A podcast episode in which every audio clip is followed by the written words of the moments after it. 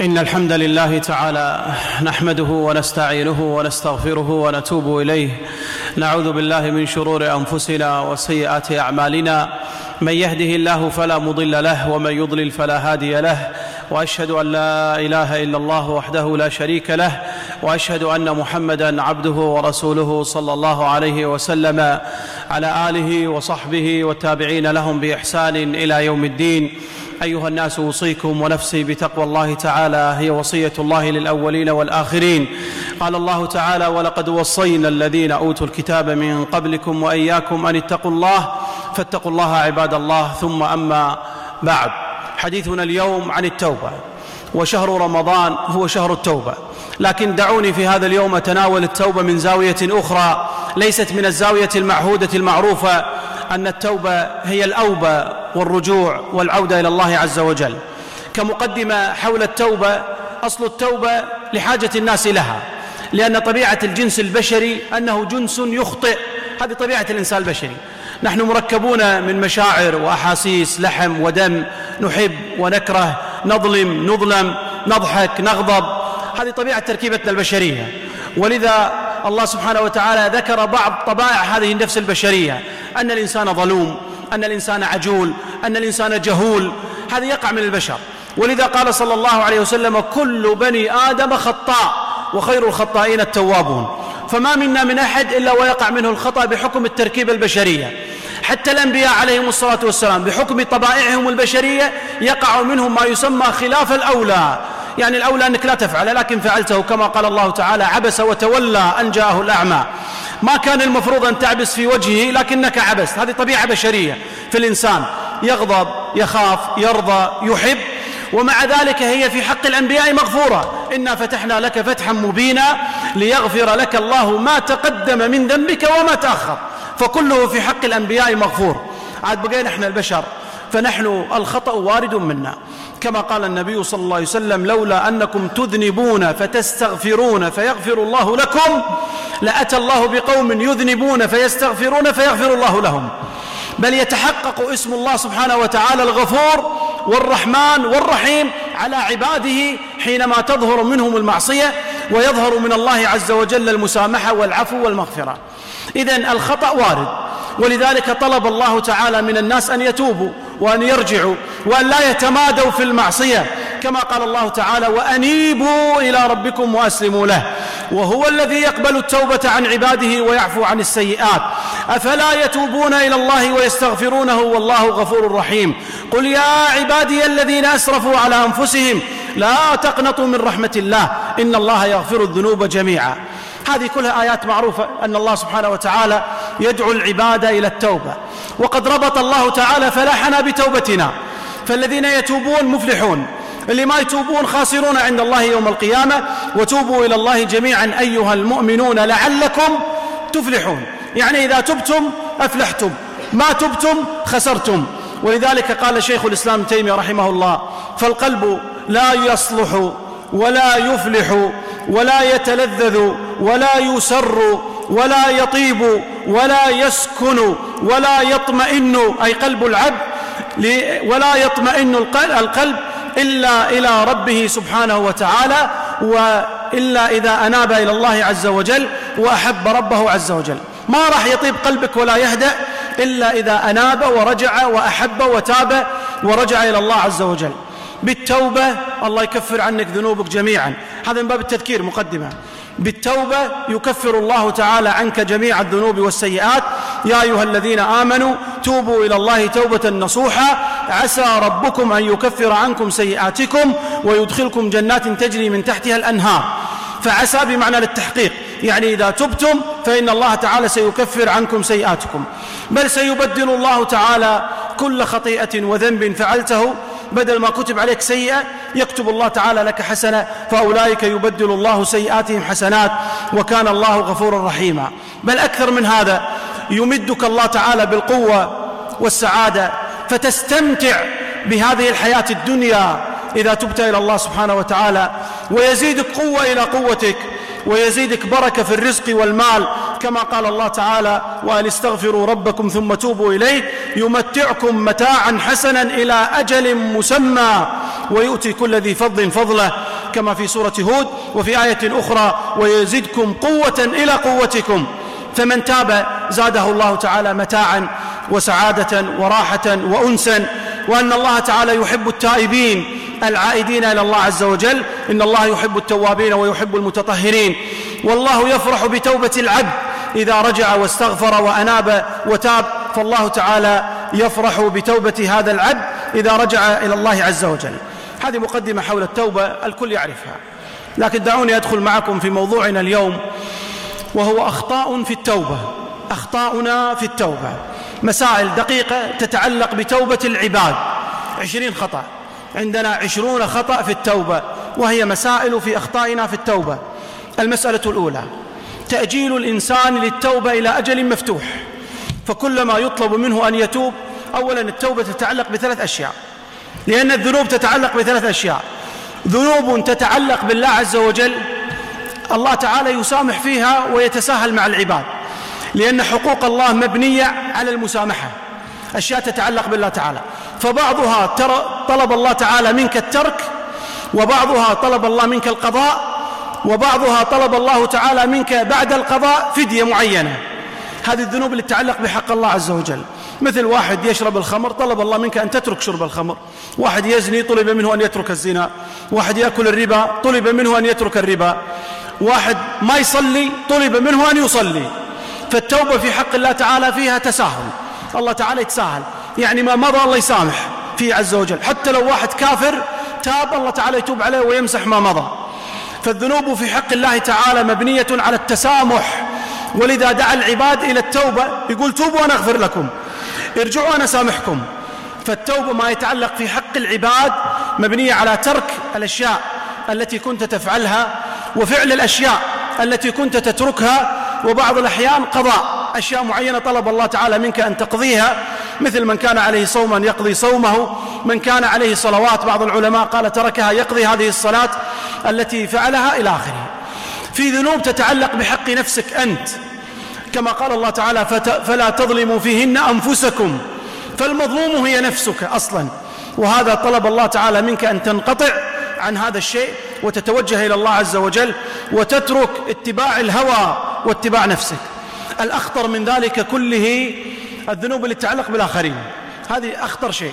وهي ذنوب تتعلق بالآخرين. مظالم. إما مظالم بدنية أو مظالم لفظية أو مظالم مالية تتعلق بالآخرين. ما أخذ فلوس ناس ما أعطيتهم رواتبهم أكلت أموالهم بالباطل. هذه مظالم تتعلق بالعباد. هذه أخطر لأن فيها مقاضاة يوم القيامة. مظالم لفظية سبيتهم اغتبتهم تكلمت عليهم طعنت في أعراضهم. هذه مظالم لفظية مظالم بدنية. عذبتهم آذيتهم ضربتهم. ولذا النبي صلى الله عليه وسلم أمر أن كل إنسان يقضي ما عليه اليوم قبل أن يكون يوم القيامة لا درهم ولا دينار إنما هي حسنات وسيئات. طلب الله من الناس عندك شيء؟ اقضه الآن. ولذا قال صلى الله عليه وسلم قال من اقتدت له أو من ضربت أو من جلدت له ظهرا هذا ظهري فليجلده. هذا النبي صلى الله عليه وسلم يقول لما صف الناس في الجهاد قال من ضربت له ظهرا فهذا ظهري. خذ حاجتك مني الآن قبل أن يكون يوم القيامة المقاصصة يوم القيامة إنما تكون من الحسنات والسيئات. لا يوجد يوم القيامة فلوس ولا فدية وإنما يفتدى منك من خلال مالك. هذه بعد شوي أسهل. الأصعب منها الحقوق العامة المتعلقة بعامة الناس. كان يكون إنسان كاتبا يكتب كفر فهذا أضل الخلق. أو ينشر فاحشة أو ينشر حرام بين الناس هذا أضل الخلق هذا أعظم عاد. فصار إضلاله للخلق. أو يكون مسؤولا عن الناس جميعا عند مسؤولية الله ولا مسؤولية. هذه بعد أكثر. ما من أمير إلا يأتي يوم القيامة ويده مغلولة إلى عنقه. لا يفلها ولا يحلها إلا أن يكون برا بهؤلاء. هذه مسؤولية أعظم. مسؤوليتك عن مجموعة أو كتابتك أو نشرك أو غنائك أو ترويجك لشيء تضرر به الجميع هذا أخطر وتوبته أصعب لأن ضررك أصبح عاما. كما قال الله تعالى وهم يحملون أوزارهم كاملة يوم القيامة ومن أوزار الذين يضلونهم بغير علم. ألا ساء ما يزرون. يعني شيل ذنبه وذنب الناس اللي هو ما يدري أنه محمل عليه ذنوبهم. واحد ينشر مقال واحد ينشر شبهة واحد ينشر صورة محرمة واحد ينشر كفر واحد يبيع حرام. هذا يشيل ذنبه وذنب غيره معاه يوم القيامة. ولذلك قال الله تعالى أحصاه الله ونسوه. يعني الله كتب عليك شيء أنت نسيته ما تدري. دعونا ندخل معكم في أخطائنا في التوبة. الخطأ الأول التأجيل والتسويف. فإن كثير من الناس عندهم ذنوب ما يريدون يتوبون منها. لأنهم ماشيين. وبعدين الله يتوب عليه. إذا جاء الحج نحج. طيب تحجبي يا بنتي؟ قالت لما أبلغ أتحجب أو قالت لما أتزوج أتحجب أو لما أتخرج أتحجب تحجبي قالت لا بعدين. صل يا ابني. قال لا والله تو الناس وإن شاء الله. مع رمضان نصلي. وهكذا تأجيل. لأن هاي كلها ذنوب. إما متعلق بحق الله ولا متعلق بحق النفس ولا متعلق بحق الآخرين. افعل لا افعل. اترك أصحاب السوء لا بعدين تو الناس. ربعي. مستانس معاهم. وهكذا يؤجل الإنسان وعداد الذنوب شغال عليه وهو لا يشعر. عداد السيئات يكتب عليه والملائكة تحصي عليه وهو لا يشعر. فلذلك ينغمس الإنسان بالحرام وهو لا يدري. مشكلة التأجيل كما يقول ابن القيم يقول الذنب كالشجرة. كلما سقيتها بماء المعصية كلما دخلت جذورها غاصت جذورها وعلت أغصانه أكثر. يصير انتزاعها من القلب صعب ما تقدر. يقول كلما تمهلها هذه الشجرة شجرة المعصية. كل ما تعطيها وقت فإنك كأنك تسقيها. جذورها ترتكز أكثر وأغصانها تطلع وتقوى أكثر فيصير انتزاعها أقوى ما تقدر. مثل واحد يقول لي قبل كم يوم قال تساهلت مع بنتي في الحجاب وهي صغيرة. كبرت ما كنت أمرها بالحجاب. كبرت ما أمرتها بالحجاب. بلغت تساهلت معاها يوم كبرت قلت لها الحجاب صدت عني قامت تزعل تدخل غرفتها وتسكر الباب ما ترد علي. صار الأمر صعب الآن لأن حب هذا الشيء انغرس في قلبها. مصادمتها لصديقاتها صار صعب. مخالفتها لما رآها الناس عليه صار صعب. مخالفتها لزميلاتها والمجتمع والتي هي فيه أمر صعب تغير في حياتها. ولذلك إذا ما فعلت الشيء وهو صغير راح يكبر وتصير الجذور عميقة في الأرض والأغصان قوية. اجتثاثها صعب. يصير صعب التغيير. كل معصية في حياتك حتى الربا. اللي ياكل ربا إذا يتساهل يتساهل تزيد أمواله الربوية وتزيد فوائده وبعدين يصير صعب. ينقل أمواله من البنوك المحرمة أن تشربك دخل معهم خلاص يصير صعب. مثل الذي له علاقات محرمة يستهويه الحرام يصير انغمس في الحرام. صعب يخرج منه. وهكذا. أول خطأ من أخطاء التوبة التأجيل أن يؤجل الإنسان أن يسوف سوف أفعل سوف أقطع من الآن. اقطع وتب إلى الله تعالى وسل الله تعالى المعونة فإن الله تعالى يعين ويحب ويوفق ويبارك في صحة وقوة التائبين إلى الله عز وجل. ثانيا الخطأ الثاني في التوبة غفلتنا عن كثير من الصغائر التي لا ننتبه لها وقد تتحول الصغائر مع الاستمرار إلى كبائر. لا صغيرة مع إصرار ولا كبيرة مع استغفار. إذا صغيرة تصر عليها تتحول كبيرة. واحد عنده ذنوب صغيرة يشوف هو يراها أنها صغيرة يطالع كل يوم مشاهد محرمة هو يشوف أنها أشياء بسيطة هذه. لكن مع الاستمرار تتحول إلى كبيرة. كما أخبر النبي صلى الله عليه وسلم أن العبد إذا أذنب ذنب نكتت في قلبه نكتة سوداء. فإن تاب مسحت وصقل قلبه. هذا من رحمة الله عز وجل. إذا لم يتب نقطة نقطة نقطة النقط السوداء تصير ران بعد ذلك على قلبه. ثم تلا النبي صلى الله عليه وسلم قول الله تعالى كلا بل ران على قلوبهم ما كانوا يكسبون. قال ذلك الران الذي قاله الله تعالى. يعني الله يحط على قلبك حجاب. من كثر الذنوب ذنوب ذنوب يتسكر القلب يصير حجاب. معنى الحجاب لا يدخل له خير ولا يطلع منه خير. خلاص ختم الله على قلوبهم. انختم على قلب الإنسان. هذه الغواية هذا الضلال. ولذلك لا تتساهل أنا أعطيكم مثال. ترك الجمعة. بعض الناس يتساهل في الجمعة. من ترك ثلاث جمع بلا عذر ختم الله على قلبه. إيش رأيكم؟ من ترك ثلاث جمع ثلاث جمع. واحد يشوفها عادي إيش دعوة؟ يعني صلينا ما صلينا. لكن الذنوب أحيانا تراها صغيرة لكن عند الله تعالى كبيرة. تجمع الله تعالى يصير ران يجعل ران على قلب الإنسان يصير سواد يختم على قلب الإنسان. ختم على قلبه ما يدخل نور ولا يطلع منه نور. كما قال صلى الله عليه وسلم وقلب أسود مرباد. كالكوز مجخيا لا يعرف معروفا ولا ينكر منكرا إلا ما أشرب من هواه. يعني أحيانا يطلع منه خير.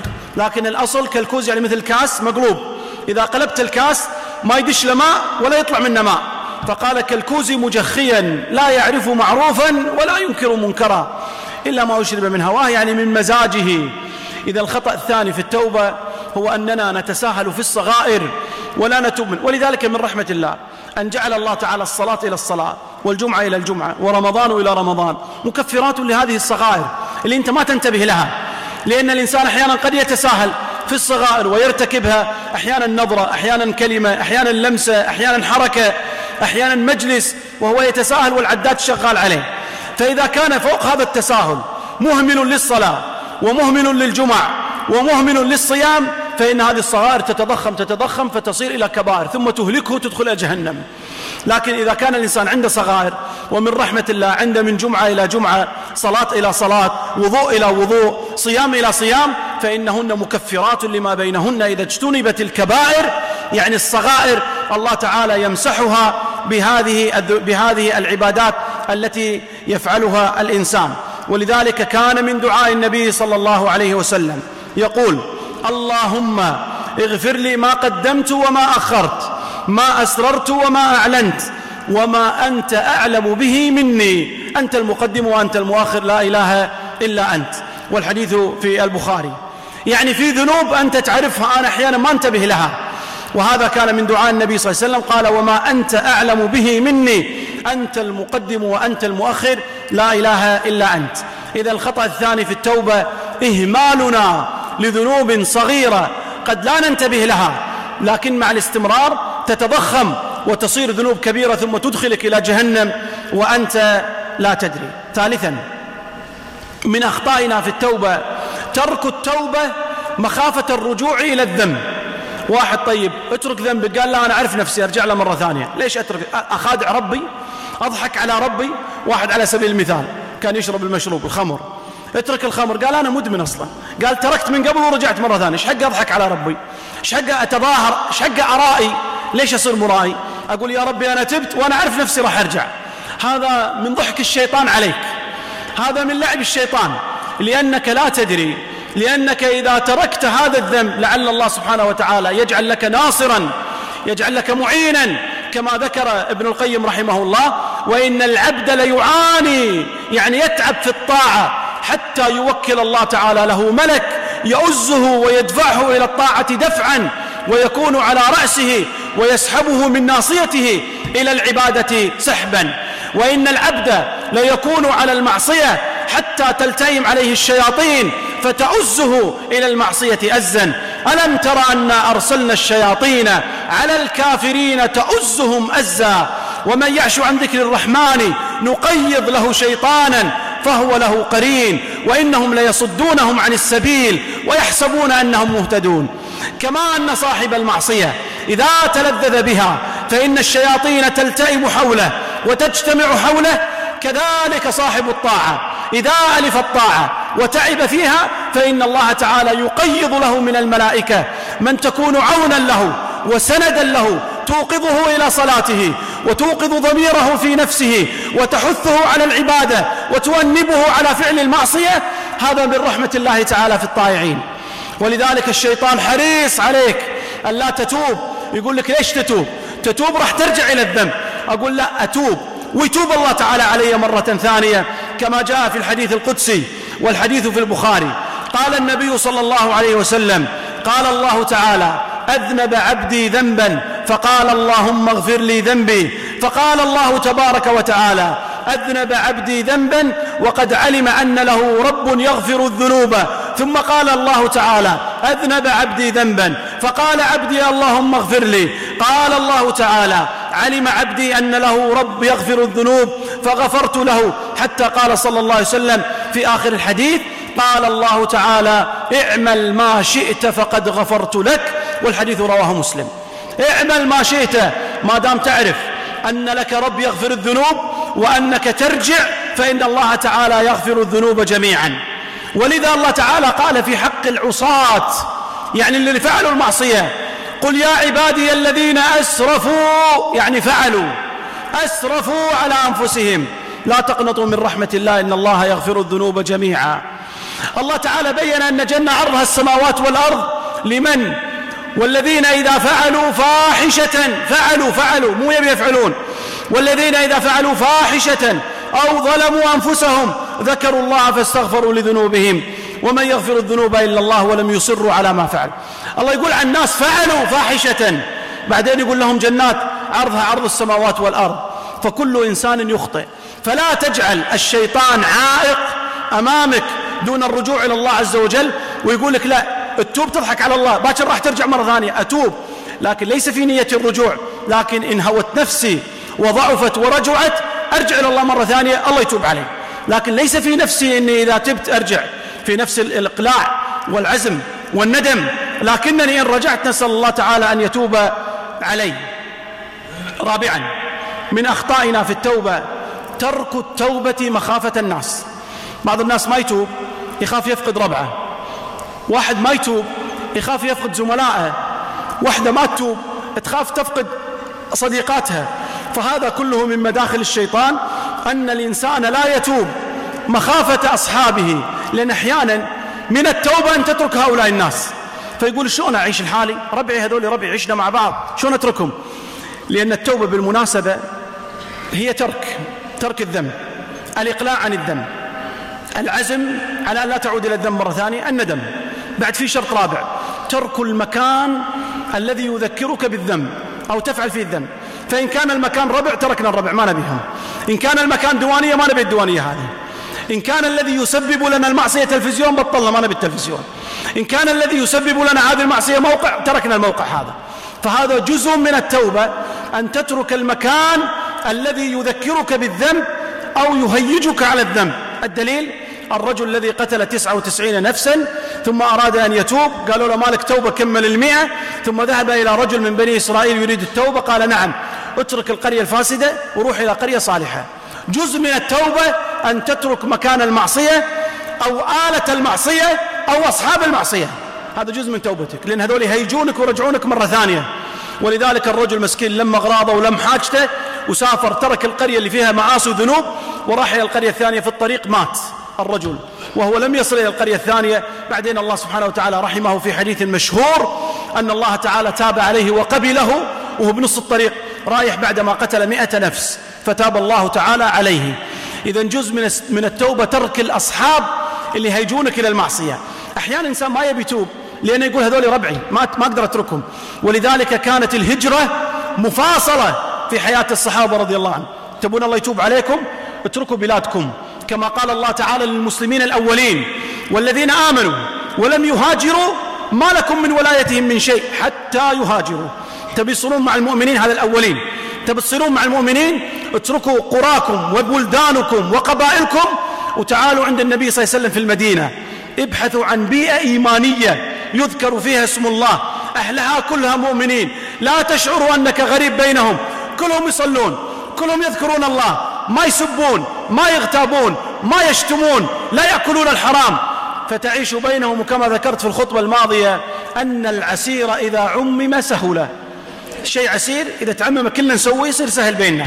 ولذلك بعض أخطائنا في التوبة أن الإنسان يترك التوبة خشية الناس أو خشية فقد أصحابه. أو أحيانا خشية فقد زوجته أو أولاده أو ماله أو غيرها. فهذا من مداخل الشيطان على الإنسان. خامسا أحيانا يترك الإنسان التوبة خشية ذهاب الجاه. ذهاب الجاه يعني ذهاب السلطان يعني ذهاب فلوسه. يعني إنسان مرابي لكن يقول ما أقدر أترك الربا لأن أنا لي مكانة عند التجار ولي مكانة عند البنك ولي مكانة عند فلان وفلان. فلو تركت الربا كل هذا راح يضيع علي. مغني على سبيل المثال يا أخي توب رجل فيك خير تصلي معانا اترك الغنى. قال لا كل شيء يروح. شهرة تروح مطرب ممثل له يمثل بعض الأدوار اللي فيها خلال بالآداب أو غيره. يا أخي اترك التمثيل توجه إلى الخير. قال لا يا أخي ما أقدر. كل هذا يروح. هذا الجاه والمال والسمعة كلها تروح. وهكذا. هذا ما وقع لقيصر ملك الروم. فإنه لما عرض على قيصر كتاب رسول الله صلى الله عليه وسلم في دعوته للإسلام أقر بأنه من مشكاة نبوة. وتمنى أن يكون خادما عند رجل رسول الله صلى الله عليه وسلم يغسل رجله. لأنه رجل نصراني ويعرف علامات النبوة. واستدعى أبو سفيان وكان أبو سفيان كافرا وتاجرا في الشام. سأله عن النبي صلى الله عليه وسلم عن صفاته كما هي في التوراة. فأقر قيصر أو هرقل حاكم الروم بنبوة رسول الله صلى الله عليه وسلم. قال يا ليتني خادم عنده أغسل رجله ثم لما شعر من حوله من وزرائه وكل مستشارين أنه له رغبة في الإسلام ثار الناس حوله وهاجوا. وصار لغط في المجلس. هذا كلام أبو سفيان. صار لغط في مجلسه وعلت الأصوات. قال لا لا لا بس أنا بغيت أختبركم. أشوف أنتم يعني ما زلتوا عن النصارى أو لا. فصده عن ذكر الله وعن السبيل صده المال وصده الجاه. فأحيانا يصد الإنسان عن ذكر الله وعن التوبة المال والفلوس والجاه. ولذلك كثير من أصحاب المناصب كثير من أصحاب الوجاهات كثير من أصحاب الأموال عارف طريق الحق لكن الفلوس غالية عنده الدراهم غالية عنده المنصب غالي عنده ما يبي يغير حاله راضي ويلقى جزاءه عند الله عز وجل على هذا الإصرار. ما يبي يغير هو عارف إنه حرام عارف الطريق اللي ماشي فيه غلط عارف إنه قاعد يأكل حرام عارف إنه قاعد يأخذ رشوة عارف إنه قاعد يستغل نفوذه لكنه ما يبي يغير طريقه لأنه مستفيد وأن الوجاهة كلها تضيع منه لو استقام إلى أمر الله تعالى. خذوا مثال الصحابة رضي الله عنهم. بعض الصحابة ترك أمواله في سبيل الهجرة إلى الله عز وجل. هذا صهيب الرومي. صهيب الرومي كان تاجر وكان شريكا مع كبار تجار مكة وعنده أموال. ما خلوه يهاجر في سبيل الله. قال ما تهاجر. جئتنا فقير. رجع فلوسنا ورجع كل الأموال. تاجر عندي فلوسي. قال رجع كل شيء. وبعدين اطلع. فأعطاهم كل ماله. صهيب رضي الله قالوا يا أبا أيوب جئتنا فقيرا. رجع. طيب تجارتي شغلي. قال لا رجع كل شيء. فاعاد كل ماله لهم وخلوه يهاجر بعد ذلك فعوضه الله تعالى خيرا. لذلك أحيانا من أخطائنا في التوبة أن الإنسان لا يتوب خشية الجاه. ما راح ينفع جاهك ولا راح ينفعك مالك وكله راح يفر منك وراح تفتدي فيهم يوم القيامة لكن ما راح ينفعك شيء. لو تحط الأرض كلها ومثلها معها الله ما يقبل توبة العبد في ذلك اليوم. لو تفتدي بالأرض ومن فيها الله ما يقبل من الإنسان في ذلك اليوم. سادسا. من أخطائنا في التوبة التمادي في الأعمال أو الذنوب أو المعاصي اعتمادا على سعة رحمة الله. هذا كثير من الناس يسوونه. يفعل معصية وكل ما قال قال الله غفور رحيم يا أخي الله يسامح إيش دعوة؟ سامح الناس كلها ما يسامحنا.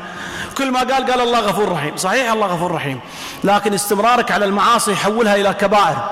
استمرارك على المعاصي هذا تحدي. استمرارك على المعاصي هذا تعدي.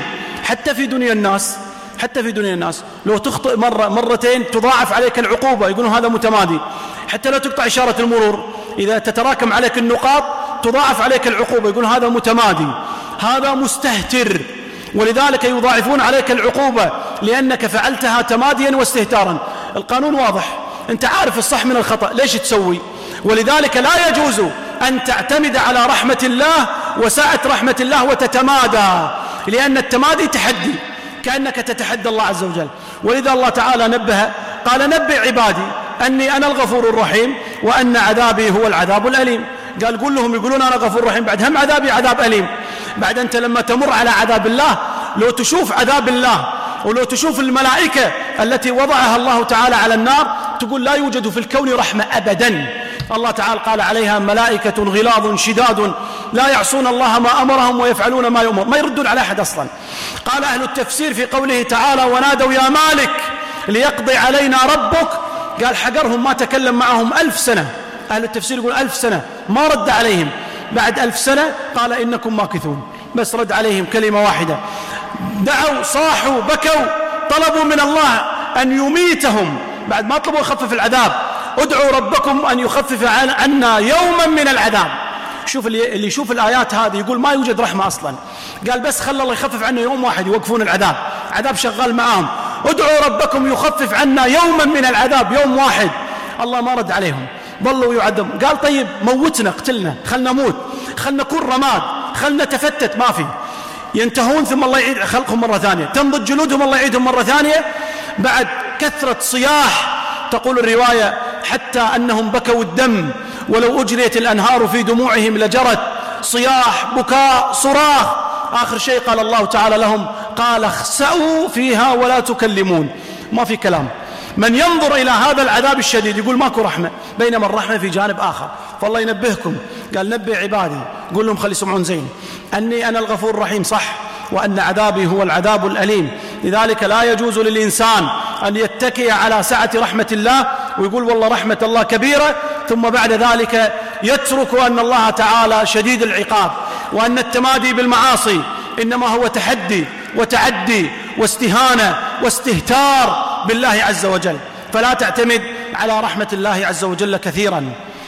ثالثا أو سابعا من أخطائنا في التوبة الاغترار بإمهال الله للعصاة. يقول واحد إيش دعوة بس أنا عاصي؟ طيب شوف العالم كلها اللي ياكل ربا اللي يزني اللي يشرب خمر اللي يظلم اللي ياكل رشوة. شوف أوروبا شوف العالم. الحين وقفت علينا إحنا يا شيخ ما كل إحنا. لا تغتر بإمهال الله تعالى للعصاة.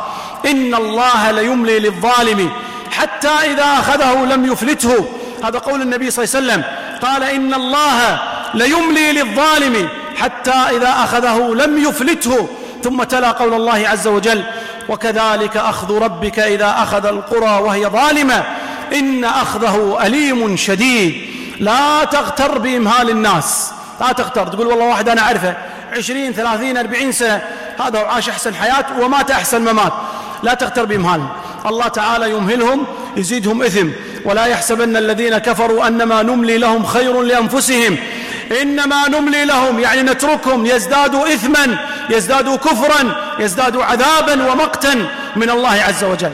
لا تغتر بأن الله ترك فلان يفعل الحرام الله ما سوى له شيء. لا تغتر أنت لا تعلم كيف يعذبه الله. يمكن كون أنه مطرود من رحمة الله هذه بحد ذاتها عقوبة. يمكن كونه مطرود من المساجد هذه بحد ذاتها عقوبة. يمكن الله خاتم على قلبه وأنت ما تدري. هذه بحد ذاتها عقوبة. يمكن الله يصيب بالأمراض بحد ذاتها عقوبة. بعقوق الأولاد بحد ذاتها عقوبة. بكره الصالحين له بحد ذاتها عقوبة. ببغض الملائكة له بحد ذاتها عقوبة. ما تعرف أنواع العقوبات لأن الله تعالى مستحيل لا ولن أن يجعل الله طائع كالعاصي. أبدا ما يكون. ما يجعل الله الطائع كالعاصي. أم نجعل الذين آمنوا وعملوا الصالحات كالمفسدين في الأرض؟ أم نجعل المتقين كالفجار؟ ما يكون هذا أبدا. ما يمكن الله تعالى يجعل المتقي كالفاجر. ما يخليهم الله سواء. لا يمكن. ولذلك سواء محياهم ومماتهم لا في الحياة ولا في الممات ما يخليهم سواء. ذلك لا تغتر بكثرة من يرتكب المعاصي وتقول الله تعالى كالله الله يقول في, في ذكر الله في سورة الأنعام فلما نسوا ما ذكروا به شوف الآن حال كثير من الدول الكافرة فلما نسوا ما ذكروا يعني نسوا أحكام الله. الآن بعض الدول يرون أنه لا إله أصلا والحياة مادة. بعض الدول الرأسمالية وغيرها ما في إله. ولذلك ما يرجعون إلى الله. الكنائس سكرت. في أوروبا الكنائس سكرت سكرت وانباعت. لأن لا يرون منها فائدة أصلا. ولذلك ما عندهم دين ولا اقتراب إلى الله إلا من رحم الله عز وجل. عندهم حياة دنيا. الله فتح عليهم الدنيا. هذا الله نص عليه. قال فلما نسوا ما ذكروا به فتحنا عليهم أبواب كل شيء كل شيء. من الذرة إلى المجرة مفتوحة لهم. هذا صح ولا مو صح؟ هذا صح في أمريكا وأوروبا. الله فتح كل شيء عليهم. من الذرة إلى المجرة. فلما نسوا ما ذكروا به يعني أوامرنا ديننا أنبياءنا شريعتنا فلما نسوا ما ذكروا به فتحنا عليهم أبواب كل شيء. من الذرة إلى المجرة فتحنا عليهم أبواب كل شيء. حتى فرحوا. فرحوا بما آتاهم الله تعالى بما أوتوا. أخذناهم بغتة فإذا هم مبلسون. فقطع دابر القوم الذين ظلموا. والحمد لله رب العالمين. قال خلهم ما عليك. راح أخذهم بغتة. وسترى كيف أخذهم. وهذه البغتات قاعد تأتي. بين فترة وفترة يسمونها إعصار. بين فترة وفترة زلازل. بين فترة وفترة يسمونها كوارث طبيعية. ماكو شيء كوارث طبيعية. في إله يدير الكون. هذه بغتة قاعد تضربهم. ولا ينضربت. انهيار اقتصادي. نزول في أسعار. طلوع في أسعار. كارثة طبيعية. آه، وباء. مرض. فيروس. يصيب الناس. هذه ضربات إلهية. ما في شيء يقع إلا بقدر الله بتدبير رب العالمين. الله يقول فلما نسوا ما ذكروا به فتحنا عليهم أبواب كل شيء حتى إذا فرحوا بما أوتوا أخذناهم بغتة فإذا هم مبلسون. فقطع دابر القوم الذين ظلموا والحمد لله رب العالمين. ثامنا من أخطائنا في التوبة اليأس من رحمة الله تعالى. لا تيأس مهما كثرت ذنوبك مهما انغمست في المعاصي مهما فعلت لا تيأس. الله تعالى فتح للناس أبواب التوبة ولذلك الله تعالى بين أنه لا ييأس من روح الله من رحمة الله من مغفرة الله إلا القوم الكافرون إلا القوم الظالمون. هؤلاء الذين ييأسون من رحمة الله عز وجل. لا تيأس مهما فعلت فالله تعالى يقبل العبد فمن تاب تاب الله تعالى عليه. مهما فعل الإنسان. شوف أصحاب الأخدود ماذا فعلوا في الناس؟ قتلوا وذبحوا ثم الله تعالى طلب منهم التوبة. فإن تابوا تاب الله تعالى عليهم. يقول قتادة هذه أرجى آية في كتاب الله تعالى عن أصحاب الأخدود. إن الذين فتنوا المؤمنين والمؤمنات ثم لم يتوبوا. قال هذه أرجى آية في كتاب الله. اقتلوا وعملوا أفران وطبخوا الناس مثل ما يسمونها محرقة الهولوكوست وحرقوا الناس فيها. بعدين الله يقول ثم لم يتوبوا. يعني لو تابوا الله تاب عليهم. شوف رحمة الله عز وجل. فهذه أرجى آية في كتاب الله. أن الذين تابوا وقتلوا وحرقوا وحرقوا مؤمنين بعدين الله تعالى طلب منهم أن يتوبوا. يعني لو تابوا تاب الله تعالى عليهم. فلذلك لا تيأس أبدا من رحمة الله تعالى. فالله يغفر الذنوب جميعا. تاسعا. من أخطائنا في التوبة الاحتجاج بالقدر. وقد كتب الإمام مرعي الحنبلي رحمه الله كتاب سماه رفع الشبهة والغرر عمن يحتج على فعل المعاصي بالقدر. يعني لا يجوز لك أن تحتج على فعل المعصية تقول والله ما الله كاتب علي. ليش تشرب الخمر؟ قال الله كاتب علي. طيب ليش تزني؟ قال الله كاتب علي. طيب ليش تسرق؟ قال الله كاتب علي. طيب ليش ما تصلي؟ قال الله كاتب. الله ما هداني بعد شو أسوي أنا؟ الله ما هداني شو أسوي. لا يجوز الاحتجاج بالقدر. ليش؟ لأنك إنسان مختار تفعل باختيارك. إذا مو مختار ما عندك مخ ما نحاسبك. مجنون ما نحاسبك. نائم ما نحاسبك. مكره ما نحاسبك. مغمى عليك ما نحاسبك. طفل بزر ما نحاسبك. لكن عاقل بالغ مميز غير مكره مختار نحاسبك لا تحتج بالقدر. ليش؟ لأنك لا تعلم القدر. القدر نتائج. كتبها الله تعالى على العباد. أنت لا تعلم النتائج لكنك تفعل باختيارك. حين أحد قال لك اقعد أنت قاعد باختيارك. ما حد قال تقدر تقوم تقدر تقعد. لكنك جالس باختيار. ما تقدر تقول لا والله الله قدر علي أجلس. نعم الله كتب لك النتائج وهو يعلم بها لكنك لا تعلم هذه النتائج. لكن أعطاك الاختيار. سبحانه وتعالى. قال افعل. أعطيكم مثال. دخلت إلى قاعة في الجامعة درس الطلاب بعد مرور شهر وزعت الدرجات وعلقتها. قلت حق فلان أنت تاخذ إيه؟ أنت بي أنت سي أنت دي أنت راسب. ما يصير دكتور تظلمنا. قلت أنا ما أظلمكم. أنا بحكم خبرتي فيكم وخبرتي في الحقل التعليمي عرفت مستوياتكم.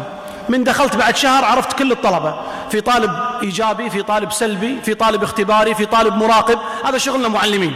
أستطيع أن أميزك بسرعة من خلال شهر. فعلقت درجاتكم بحسب ما عرفت من أحوالكم. يعني كتب الله للناس درجاتهم وخلاص. فكتب ديوان في في أسماء أهل الجنة. وكتب ديوان في أسماء أهل النار. وحط عنده على يمين العرش. هذا حديث عن النبي صلى الله عليه وسلم. إن الله فرغ من تقدير خلق الخلائق قبل أن يخلق السماء والأرض بخمسين ألف سنة. كتبها فهي عنده. فقال هؤلاء للجنة ولا أبالي هؤلاء للنار ولا أبالي. أسماءكم مكتوبة. فمنهم من بشره الله بما في الكتاب الله كشف الكتاب فقال حق النبي صلى الله عليه وسلم يا محمد أبو بكر في الجنة في الكتاب محطوط عمر في الجنة عثمان في الجنة علي في الجنة طلحة في الجنة الزبير في الجنة عبد الرحمن في الجنة عائشة في الجنة فاطمة في الجنة خديجة في الجنة بلال في الجنة قام يعدد له هذول في الجنة خلصنا في النار من الأحياء في النار أبو لهب في النار أنا أقول لك أبو لهب في النار بعد قال له هذا اللي أقول لك إياه هذا في النار الباقي صفات ولذلك النبي صلى الله عليه وسلم من بشرهم الله بالجنة بشرهم وهم أحياء. يعني ممكن يرتد يقلب لكن مع ذلك الله قال ما راح يقلبون هذول. وبالفعل استمروا حتى ماتوا على الصلاح فبشرهم في الجنة قبل وفاتهم. وأبو لهب الله بشره في النار. قال طيب الرجل حي ممكن يقلب يصير مسلم. إذا صار مسلم معناته يكذب القرآن. قال الله ما راح يصير مسلم. وراح أقول لك ما راح يصير مسلم. وراح تشوف ما راح يصير. وهو زوجته في النار. فبشره النبي صلى الله عليه وسلم قال تبت يدا أبي لهب وتب ما أغنى عنه ماله وما كسب سيصلى نارا ذات لهب وامرأته حمالة الحطب. يلا تبي تكذبني؟ قول أشهد قول صير مسلم. أطلع أنا كذاب. ما صار مسلم حتى مات كافرا. فهذا من الإعجاز أن الله يكشف الغيبة لرسوله صلى الله عليه وسلم. ولذلك شرعا إحنا ما يجوز لنا أن نشهد لأحد بجنة ولا نار. ما يجوز. أقول لك أنت في الجنة ولا في النار. حرام. إلا ما شهد الشارع له. إذا الشارع كشف لك الغيب قال لك أنت في الجنة نقول في الجنة. لكن ما يجوز أشهد لأحد بجنة ولا نار. لكنني أرجو للمحسن وأخاف على المسيء. المحسن أرجو له. من من شفت من ترونه يشهد الجماعة فاشهدوا له بالخير. نقول والله هذه علامة خير. هذا الرجل إن شاء الله من أهل الخير. يصلي ويحافظ على الصلوات. أنتم شهداء الله في الأرض. يعني أنتم شهدتوا له في الخير فأنتم شهداء الله في الأرض. لكن ما أقدر أقول لك أنت في الجنة. يمكن باكر ترتد تصير من أهل النار. ولا أقدر أقول حق واحد أنت من أهل النار. لأن باكر ممكن يقلب ويصير من أهل الجنة. فلا تتألى على الله عز وجل. لذلك لا يجوز لنا أن نغتر بالقدر. أرجع للمثال مرة ثانية. فإذا قالوا لي الطلاب ليش يا دكتور حطيت أسماءنا في الراسبين؟ أقول أنا هذه خبرتي فيكم من عشت معاكم شهرين ثلاثة عرفت مستوياتكم. لكن ما راح أظلمكم؟ هذا الامتحان امتحنوا وشوفوا النتائج تطلع. فالله تعالى قال للعباد أنا ما راح أظلمكم. هذه الدنيا اختبروا فيها. يلا اشتغلوا على راحتكم. أنت اشتغل طاعة أنت اشتغل معصية لكن في النتيجة النهائية ستخرج النتيجة مطابقة مئة في المئة لما كتبه الله تعالى. لأن الله تعالى يعلم ما كان وما لم يكن لو كان كيف يكون. أنا بالنسبة لي كدكتور أدرس الطلاب راح تطلع النتيجة يمكن 70% ممكن 70% يطلع النتيجة. يطلع 70% مطابقة 30% تتغير. لأن علمي قاصر لكن علم الله تعالى مطلق. هكذا نفهم موضوع القدر. أعطيكم مثال ثاني. عندي ثلاث عيال على سبيل المثال. أعطيت كل واحد عشر دنانير. خلينا نفترض محمد وسليمان وصالح. أعطيت محمد عشرة سليمان عشرة صالح عشرة. بعدين قلت حق أمهم قلت أما محمد راح يخش الفلوس. وأما صالح راح يروح فيها مطعم وأما سليمان راح يعزم ربعه. أنا عيالي وأعرف تصرفاتهم. بعد أسبوع سألتهم وكتبت هذا في ورقة ماذا سيفعل أولادي الثلاثة؟ بعد أسبوع سألتهم محمد وين العشرة؟ قال لي بخاشها عندي. قلت حقهم ما قلت لك أعرف ابني شلون يفكر. يا صالح وين العشرة؟ قال لي رحت مطعم. سليمان وين العشرة؟ قال لي عزمت فيها ربعي. هكذا مفهوم القدر. بالشكل هذا يفهم القدر. أن الله علم ما سيفعل العباد فكتب لهم النتائج سبحانه وتعالى ثم أعطاهم آلة الاختيار. قال افعلوا كما تشاءون لكن كل شيء مكتوب عندي. من كتبت له الجنة أيسر له طريق الجنة فيمشي إلى الجنة. من كتبت عليه النار وهو راح يمشي برجله إلى النار حتى يدخل النار. فلا يجوز لك أن تحتج على فعل الذنوب بالقدر. جاء رجل سرق جابوا لي عمر الخطاب. قال عمر الخطاب لما سرقته ليش تبوك قال سرقت بقدر الله. اشتراني. بعد الله كتب عليه أبوك بوك سرقت بقدر الله. قال طيب نقطع يدك بقدر الله. بعد هم الله مقدر إن السارق تقطع يده. قال نقطع يدك بقدر الله. الاحتجاج بالقدر لا يكون في الدنيا. العجيب إن الناس ما تحتج في القدر بالدنيا. يعني ما حد يحتج بالقدر يقول إذا الله بيرزقني يرزقني يقعد في بيته. ما يقول كلام هذا يروح يسعى. ما يحتج بالقدر في الكسب الدنيوي ما يحتج في القدر بالعيال ما يقول إذا الله بيعطيني عيال يعطيني عيال وأنا نايم بفراشي لازم يروح يسعى ويتزوج ويعيش مع المرأة ويأخذ بالأسباب عشان يجي العيال. إذا بينجح لازم يدرس إذا بيحصل على فلوس لازم يشتغل إذا يبي يروي, إذا يبي يروي لازم يشرب ماء إذا يبي يستظل لازم يقعد في البراد. هذا في دنيا الناس الإنسان يطبق القدر لكن في المعاصي يحتج بالقدر. في دنيا الناس يأخذ الإنسان بالأسباب. لكن مع الأسف إذا وقعوا في المعاصي احتجوا بالقدر. وهذا لا يغني عنكم شيئا من الله عز وجل فلا يجوز للإنسان في أخطائنا في التوبة أن نحتج في القدر. فإن الله تعالى نعم كتب على العباد وترك لهم آلة الاختيار فإن الناس يختارون بأفعالهم عاشرا. كل عضو له توبة لا تهمل أعضائك. فإن العين توبتها أن تغض البصر والأذن توبتها أو الأذن توبتها أن لا تستمع إلى الحرام. اللسان توبته أن لا يتكلم بالحرام. كل عضو له توبة. لا تهمل هذا. ما تقول أنا تبت خلاص. أنا تايب أنا بستقيم أنا بصلي. لا انتبه. كل عضو من أعضائك له توبة مستقلة. عليك أن تنتبه له ولا تفرط في ذلك. هذه عشرة أخطاء في التوبة. عشرة الثانية كملها بعد قليل. وما زال عندنا متسع. وما يزال أحدكم في صلاة من انتظر الصلاة. أنتم في صلاة وإن الملائكة تصلي عليكم وتستغفر لكم وترجو لكم من الله الرحمة. ما جلستم تستمعون إلى الخير والفائدة. نسأل الله عز وجل أن ينفعنا وإياكم بما نقول ونسمع. أقول ما تسمعون أستغفر الله العظيم الجليل لي ولكم فاستغفروه إنه هو الغفور الرحيم. الحمد لله رب العالمين. وأشهد أن لا إله إلا الله وحده لا شريك له ولي الصالحين وأشهد أن محمدا عبده ورسوله خير خلق الله والمرسلين صلى الله عليه وسلم على آله وصحبه والتابعين. لهم بإحسان إلى يوم الدين. نواصل الحديث عن أخطائنا في التوبة. ذكرنا عشرة أخطاء. الخطأ الحادي عشر في التوبة أن فعل المعصية وهذه مهمة. فعل المعصية لا يسوغ لك فعل غيرها. هذا من أخطائنا في التوبة. بعض الناس يفعل المعصية ويقول خاربة خاربة. بعد شقه إحنا مخربينها مخربينها. هذا من الشيطان. على سبيل المثال يسمع الغناء ويشرب خمر. قعد مع ناس في قعدة وهم يسمعون الغناء. طيب أنت قاعد معنا اشرب معنا فهو عنده بالنسبة له خاربة خاربة مرة واحدة. فيكملها مرة واحدة. فهذا من مداخل الشيطان. فعلك للمعصية لا يسوغ أن تتوسع فيها إلى غيرها. صح خربت في جانب لا تخربها في كل الجوانب. فهذا من أخطائنا في التوبة أن فعلك للمعصية لا يسوغ للإنسان أن يفعل غيرها بحكم أني أنا خارب رايح رايح. غلطان غلطان. خلاص نسويها مرة واحدة وخلصنا. هذا يضاعف عليك العقوبة عند الله فلكل ذنب عقوبة. الثاني عشر فعلك للحرام لا يسوغ لك ترك الطاعة. إذا تسوي حرام هذا ما يسوغ لك أنك تترك الطاعة. أقول حق واحد ليش ما تصلي؟ قال أشرب خمر. طيب وش شربت خمر؟ يعني عادي شربت خمر توب الله يتوب عليك. قال لا ما يصلح. أنا بالليل أشرب خمر وأقعد قعدات مع الربع والصبح أصلي كني يضحك على الله. لا مو صحيح الكلام هذا.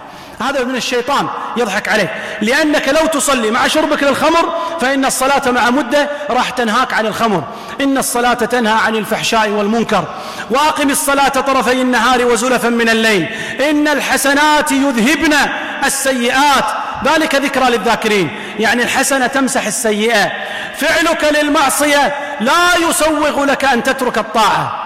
تشرب خمر تأكل ربا عندك صديقة تقع في حرام تفعل حرام تظلم ناس. هذا كله لا يسوغ لك أن تضاعف على نفسك العقوبة بترك الطاعات. ففعل الحرام لا يسوغ للإنسان ترك الطاعة. الثالث عشر. فعلك للمعصية لا يسوغ لك المجاهرة بها ولا الدعوة إليها. واحد عنده معصية مسوي معصية. ليش تجاهر فيها؟ ليش؟ ليش تطلعها في الإنترنت؟ ليش تنشرها في اليوتيوب؟ ليش تدعو الناس لها؟ ليش تدل الناس عليها؟ ليش تكون مجاهر بالمعصية؟ يا أخي استر على نفسك واسكت.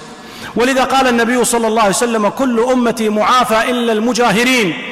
من المجاهرين يا رسول الله؟ الذي يبيت يستره الله فيصبح يكشف ستر الله عليه. فعلك للمعصية لا يسوغ ولا يبرر لك أن تجاهر بها ولا أن تدل الناس عليها ولا أن تدعو الناس لها. خلك استر على نفسك وافعل معصيتك لحالك وتوب يتوب الله عليك. عشان لا يتوسع الذنب لأنك لو دعوت غيرك راح تشيل ذنوبهم. لو جاهرت بها الله ما راح يغفر لك. ولذلك من أخطائنا في التوبة أن الإنسان يفعل المعصية ثم يجاهر بها ثم يدعو الناس إليها. الرابع عشر فعلك للمعصية لا يسوغ لك أمر الناس بالطاعة ترك أمر الناس بالطاعة. فعلك للمعصية لا يسوغ لك أن تترك الأمر بالمعروف والنهي عن المنكر. يعني على سبيل المثال أنت تدخن هذا ما يمنع أنك تمنع عيالك من التدخين. أنت تشرب لا يمنع أنك تمنع عيالك من, من أنهم لا يتركون الشرب. أنت ما تصلي. هذا لا يمنع أنك تأمر الناس بالصلاة. واحد يقول لا أتأمرون الناس بالبر وتنسون أنفسكم. صحيح. نحن نرتكب المعصية. لكن ما أبي تضاعف علي معصيتين. معصيتي أنا والمعصية الثانية أنني تركت أن آمر بالمعروف وأنهى عن المنكر. ولذا الله تعالى عتب على بني إسرائيل. قال لعن الذين كفروا من بني إسرائيل على لسان داود وعيسى بن مريم. ذلك بما عصوا وكانوا يعتدون. كانوا. لا يتناهون عن منكر فعلوه. يعني كانوا يسوون المنكر على مع بعض فلعنهم الله لأنهم ما كانوا ينهون وهم يسوون مع بعض. هذا الأمر للي يسوون. قال كانوا لا يتناهون عن منكر فعلوه. فالله عتب عليهم. طيب سويتوا يا أخي انكروا. على الأقل انكر على ربعك ولو كنت تشاركهم اسحب نفسك وأنكر. ففعلك للمعاصي لا يمنع من أنك تأمر بالمعروف وتنهى عن المنكر. هذا شيء وهذا شيء. حتى لو كانت نفس المعصية أقول أنا مبتلى أنا غلطان لكن والله نصيحتي لك يا ابني لا تطيح بالغلط هذا. لا تمشي بهالدرب هذا يا ولد. يا ولد هالدرب هذا مو زين. أنا سقطت فيه قبلك. يقول يبغى أنت تدخن. أقول ما يخالف. أنا غلطان. نسأل الله يتوب علي. وإن شاء الله بتوب لكن لا تمشي بهالدرب هذا.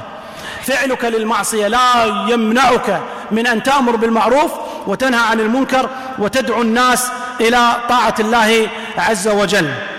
الخامس عشر. ارتكاب الناس للمعصية لا يسوغ لك فعلها. يعني ما يجوز تحتج على المعصية يقول إيش دعوة بس أنا؟ كل الناس يا أخي ترابي. كل الناس تاكل حرام. كل الناس تغني. كل الناس تشرب. كل الناس تدخن. ما كل أنا شيخ ما في إلا أنا أو يبا ما في إلا أنا ربعي كلهم نفس الشيء. لا يسوغ لك فعل الناس أن تحلل لنفسك الحرام.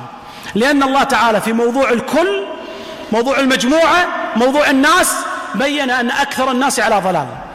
قال الله تعالى وإن تطع أكثر من في الأرض يضلوك وما أكثر الناس ولو حرصت بمؤمنين ولكن أكثرهم يجهلون ولكن أكثرهم لا يعلمون. الله يقول الأكثرية من الناس من الخلق أكثرهم في ضلال. بدليل أن الله يقول يوم القيامة أخرجوا بعث النار أعطوني نصيب النار. الله يقول حق آدم عطني من ذريتك نصيب النار. قال وما بعث النار؟ شنو نصيب النار؟ قال من كل ألف تسعمائة وتسع وتسعون إلى النار وواحد إلى الجنة. هذا مو أكثرية هذه؟ تسعة وتسعين وتسعة من عشرة. مو أكثرية؟ ستة مليار البشرية اليوم. كم من الستة مليار مسلم؟ قول مليار واحد. كم من المليار مسلم؟ مسلم. يعني مسلم صح. من المليار يمكن تطلع؟ قول 200 مليون. كم من ال 200 مليون يصلي؟ وهكذا ادخل بعدين في تدقيق أكثر. إحنا ما نضلل الناس نقول الناس فيها خير. لكن إذا أردت التدقيق بمجاميع كبيرة يطلعون أهل الإيمان أقل. وهم قلة. ولذلك لا يجوز لك أن تحتج بالكثرة على الحلم. تقول والله كل الناس تسوي. لأن الحساب فردي يوم القيامة. الله يحاسب كل واحد الحالة ماكو حساب جماعي. ونضع الموازين القسط ليوم القيامة فلا تظلم نفس. كل واحد الحالة شيئا. وإن كان مثقال حبة من خردل أتينا بها وكفى بنا حاسبين. هذا المفهوم وهذه النظرية. الله أخبر بها الأنبياء أم لم ينبأ بما في صحف موسى؟ وإبراهيم الذي وفى ألا تزر وازرة وزر أخرى وأن ليس للإنسان إلا ما سعى وأن سعيه سوف يرى ثم يجزاه الجزاء الأوفى. هذه النظرية نظرية المحاسبة الفردية. الله خبر فيها موسى وخبر فيها إبراهيم وأنزلها في التوراة والإنجيل والزبور وأنزلها على محمد صلى الله عليه وسلم أن نظام المحاسبة يوم القيامة محاسبة فردية. كل واحد الحالة. ماكو شيء اسمه جماعة والله قبيلة ولا بلد ولا لا لا كل واحد الحالة يحاسب الله تعالى. فلا يظلم الإنسان في الحساب عند الله تعالى يوم القيامة.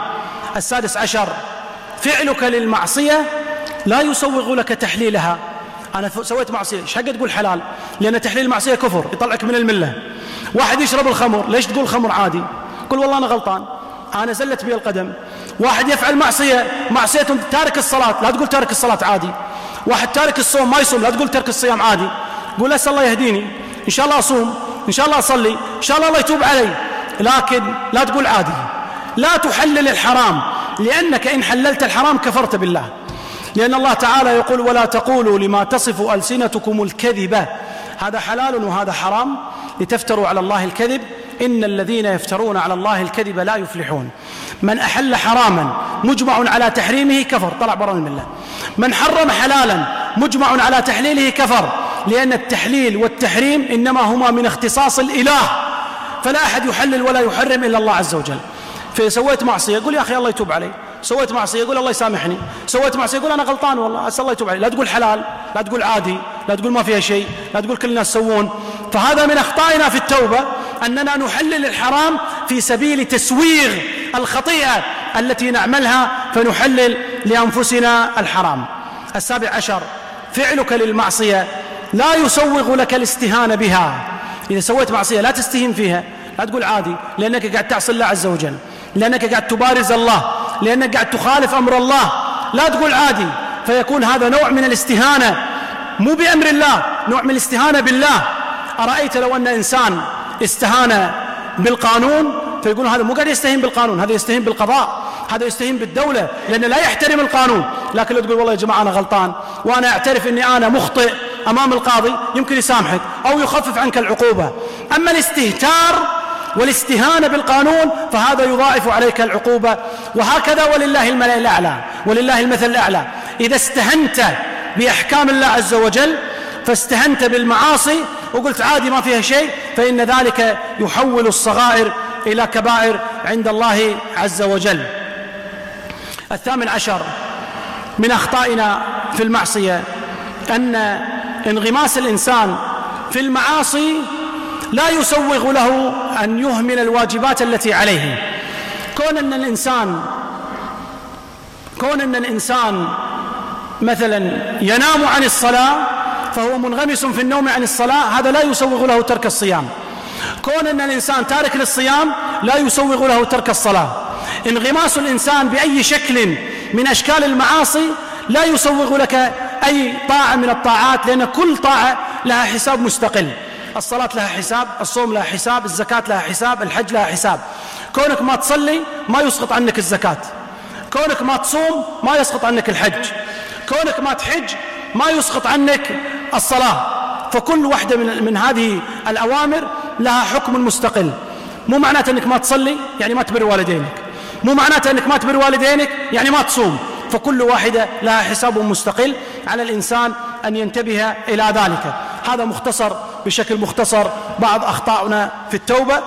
أعود فأختصرها مرة ثانية حتى أذكر بها. خلاصة هذه الخطبة في هذا اليوم المبارك من شهر رمضان. تكلمنا عن التوبة في البداية وعرفنا أن التوبة هي الأوبة والرجوع إلى الله عز وجل. أبوابها مفتوحة لا يوجد لها حد إلى أن يغرغر الإنسان. يعني إذا غرغرت خلاص بتموت تطلع روحك كلش بتموت يقفل أمامك باب التوبة. لأنه يكشف أمامك الغيب. وترى الملائكة وترى وكشفنا عنك غطاءك فبصرك اليوم حديد. إذا غرغرت الروح كلش تطلع روحك خلاص ماكو توبة. لكن الآن مفتوحة لك التوبة كما تشاء. فعرفنا التوبة وأن أبوابها مفتوحة وهي سبب للفلاح وسبب لتكفير الذنوب والسيئات وأن الله تعالى يبدل كل سيئاتك إلى حسنات وهي سبب أن تستمتع في حياتك الدنيا. وأن الله يحب التوابين ويفرح بتوبة العباد. أخطاؤنا في التوبة واحد التأجيل والتسويف. خطأ في التوبة. اثنين الغفلة عن الصغائر حتى تكبر وتتحول إلى كبائر. ثلاثة ترك التوبة خوف الناس وخو أو عفوا ترك التوبة خشية الرجوع إليها مرة ثانية أي إلى الذنب. أربعة ترك التوبة خوفا من الناس. خمسة ترك التوبة خوفا من سقوط الجاه والمال. ستة الاعتماد على سعة رحمة الله عز وجل. سبعة الاغترار بإمهال الله تعالى للعصاة. ثمانية اليأس من رحمة الله عز وجل. تاسعا الاحتجاج بالقدر على فعل المعاصي. عاشرا كل عضو له توبة مستقلة. الحادي عشر فعل المعاصي لا يسوغ لك فعل غيرها. الثاني عشر فعل المعاصي لا يسوغ لك ترك الطاعة. الثالث عشر فعل المعاصي لا يسوغ لك المجاهرة بها. الرابع عشر فعل المعاصي لا يسوغ لك بغض الطاعة ولا بغض أهلها ولا حب المعاصي ولا حب أهلها لأن الإنسان يحشر مع من يحب. إذا تفعل معصية لا تكرهنا إيش حاجة تكرهنا. تفعل معاصي ليش تكره المسجد طيب تفعل معاصي ليش تحاربنا؟ لماذا؟ فعلك للمعصية لا يسوغ لك كره أهل الطاعة ولا كره الطاعة. ولا حب أهل المعصية ولا حب المعصية لأن الإنسان يحشر مع من أحب كما أخبر النبي صلى الله عليه وسلم. الخامس عشر ارتكاب الناس للمعاصي ليس مبررا فما أكثر الناس ولو حرصت بمؤمنين. السادس عشر فعل المعاصي لا يبرر لك تحليلها. لا تقول حلال لا تقول ما فيها شيء فإن ذلك يضاعف الذنب عليك. السابع عشر فعل المعاصي لا يسوغ لك الاستهانة بها وتقول عادي ما فيها شيء. الثامن عشر فعل المعصية لا يسوغ لك ترك النصيحة كما عتب الله تعالى على بني إسرائيل كانوا لا يتناهون عن منكر فعلوه. يعني يسوون منكر لكن ما ينصحون بعض ففعل المعاصي لا يسوغ لك ترك ترك النصيحة. التاسع عشر الصغائر مع الإصرار عليها تنقلب إلى كبائر عشرون. فعل المعاصي لا يسوغ لك اليأس ولا القنوط من رحمة الله عز وجل. هذا اختصار خطبتنا كاملة عشرون خطأ في التوبة. من أراد الاستفادة والاستزادة ليرجع لكتاب جميل للدكتور محمد إبراهيم الحمد. اسم الكتاب التوبة وظيفة العمر. مجلد اسم التوبة وظيفة العمر. من أراد أن يستفيد في هذا الباب بأدلته الواسعة كتاب قيم لأخينا الدكتور محمد إبراهيم الحمد بعنوان التوبة وظيفة العمر. تكلم وحط فيه كثير من قصص التائبين. نسأل الله عز وجل أن ينفعنا وإياكم بما نقول ونسمع. اللهم إنا نسألك الهدى والتقى والعفاف والغنى. ربنا آتنا في الدنيا حسنة وفي الآخرة حسنة وقنا عذاب النار. اللهم ارحم ضعفنا اجبر كسرنا تولى أمرنا اختم بالصالحات أعمالنا. لا تكلنا إلى أنفسنا طرفة عين ولا أقل من ذلك. اجعلنا يا رب هادين مهديين غير ضالين ولا مضلين. سلما لأوليائك حربا على أعدائك. نحب بحبك من أحبك نعادي بعداوتك من خالف أمرك. أصلح لنا ديننا الذي هو عصمة أمرنا. أصلح لنا دنيانا التي فيها معاشنا. أصلح لنا آخرتنا التي إليها معادنا. اجعل الحياة زيادة لنا في كل خير والموت راحة لنا من كل شر. اللهم اغفر لنا ذنوبنا جميعا. اللهم اغفر لنا ذنوبنا أجمعين. اغفر لنا صغائرها وكبائرها ما ظهر منها وما بطن ما علمنا منها وما لم نعلم. إنك أنت الغفور الرحيم. اللهم اغفر للمسلمين والمسلمات المؤمنين والمؤمنات الأحياء منهم والأموات. لك يا ربنا سميع قريب مجيب الدعوات. وصلى الله وسلم وبارك على نبينا محمد على آله وصحبه والتابعين. قوموا إلى صلاتكم يرحمكم الله.